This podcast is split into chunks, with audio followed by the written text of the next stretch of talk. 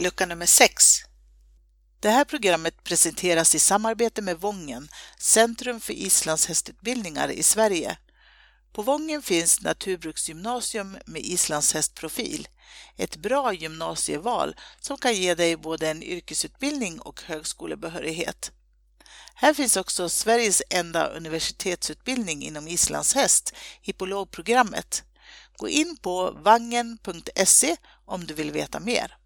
Hej och välkommen till Islandshästpoddens julkalender 2019.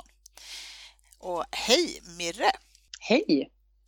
Du, eh, idag ska du få berätta om skänkelvikning. Ja, ja, precis. Men lite kort innan så de vet vem du är om de inte har lyssnat på de tidigare programmen. Varför kan du sånt här?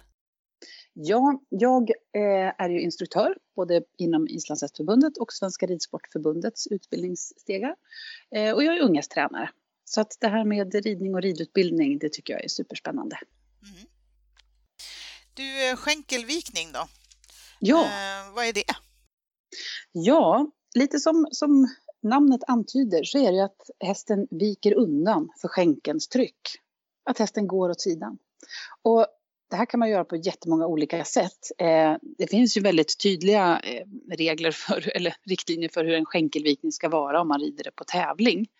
Eh, men, men jag tycker att så som, vi, vi, brukar inte ha det i våra program till vardags. Det är klart att vi kan ha det om man rider en, en guiding affimi eller en, ett kyrprogram. Men, men de flesta av oss rider det som en lösgörande övning och då kan, behöver man inte göra det precis så korrekt som det står. Men vi ska gå igenom alltihopa, hur det funkar. Mm. Hästen ska vika undan för skänkeln, det är det viktigaste. Du, jag tänkte jag skulle fråga vad är det bra för? Men du säger att det är lösgörande.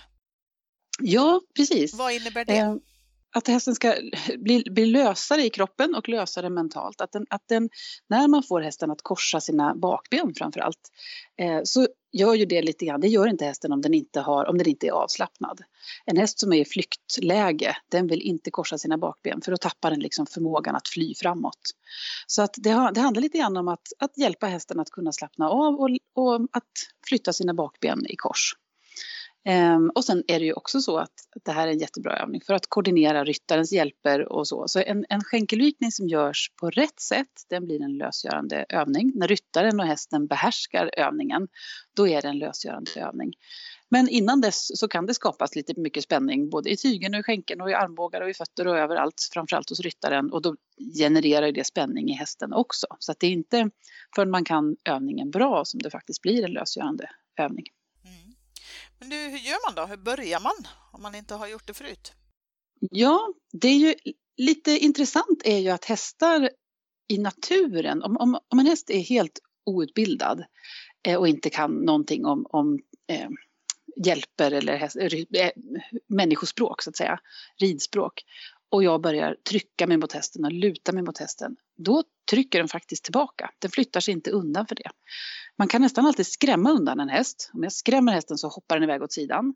Men om jag trycker mig mot hästen, en häst som inte kan de här signalerna, då trycker den faktiskt bara emot. Den går inte undan för trycket, utan den trycker emot trycket. Så det första är ju att lära hästen att när jag ger en signal och, och små tryck, tappande signaler, liksom pickande signaler i sidan på hästen, så ska den vika undan för det trycket och inte gå emot. Och här gäller det att man har en duktig tränare, då, en, en duktig unghästtränare som lär hästarna det här i början. Mm. Hur gör man eh, skänkelvikningen sen då? Ja, då är skänkelvikning det är ju under rörelse framåt.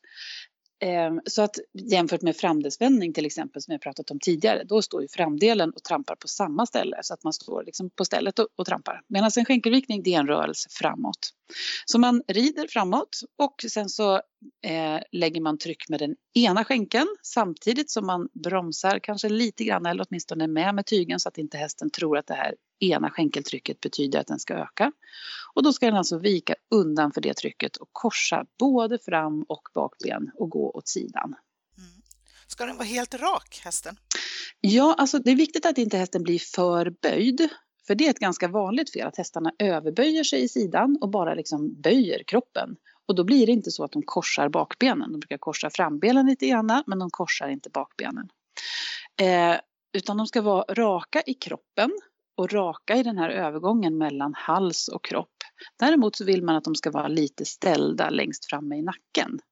Så att de ska vara lite ställda eh, åt samma håll som de flyttar undan. Alltså flyttar man undan höger skänkel, jag ger tryck med höger skänkel och den ska förflytta sig alltså åt vänster. Då ska den alltså vara lite ställd åt höger. Du, de vanligaste svårigheterna, eh, du säger att eh, det är lätt gjort att de inte flyttar bakbenen i kors. Mm. Så att säga, en, ja. Är det det vanligaste? Ja, det finns ju flera stycken som, som eh, bland annat det här att hästen faktiskt inte uppfattar att den ska gå åt sidan utan den misstolkar den sidförande skänken. När jag trycker med ena skänken så misstolkar den det och springer bara fortare framåt. Det är ett ganska vanligt fel. Då får man ju bromsa den lite grann och säga åt den att den inte ska springa fortare utan att den ska stanna upp och gå åt sidan. Och det här då kräver ju då alltså att man har lärt hästen att eh, lärt hästen de här kommandona, att hästen kan det. Eh, att den kan gå åt sidan för tryck så att den inte springer fortare bara.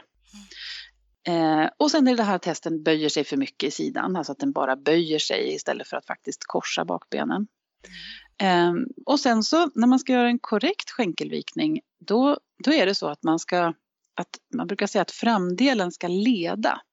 Och om man tänker sig att, att man vänder rätt upp på en ridbana och sen ska vända mot en vägg, alltså förflytta sig snett mot väggen.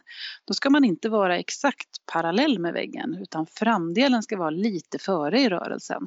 Lite närmare väggen och det här visar vi också på vår Youtube-kanal hur det ser ut. Så det, ett fel som kan bli det är att hästen flyttar med bakdelen före och att den blir lite för tvär tvärning. Då är det svårt för hästen att få ett flyt i rörelsen och det är svårt att få den som en lösgörande rörelse. Det blir bara mera spänning. Så det gäller att man har lagom mycket sidoförflyttning. Och det här kan man ju också bestämma lite grann själv. Om man, I början så är man nöjd med att, att hästen faktiskt bara förflyttar sig undan tryck åt sidan. Det gör ingenting om den böjer sig lite för mycket eller ja, så, utan man är nöjd med att den bara går åt sidan. Ehm, och man är nöjd med att den kanske går ganska svag tvärning, att den inte korsar benen så mycket utan den sätter bara foten kanske lite framför den andra foten. Men ju mer utbildad hästen är desto mer vill man kunna reglera hur mycket hästen ska förflytta sig åt sidan. Och även i olika gångarter då tänker jag?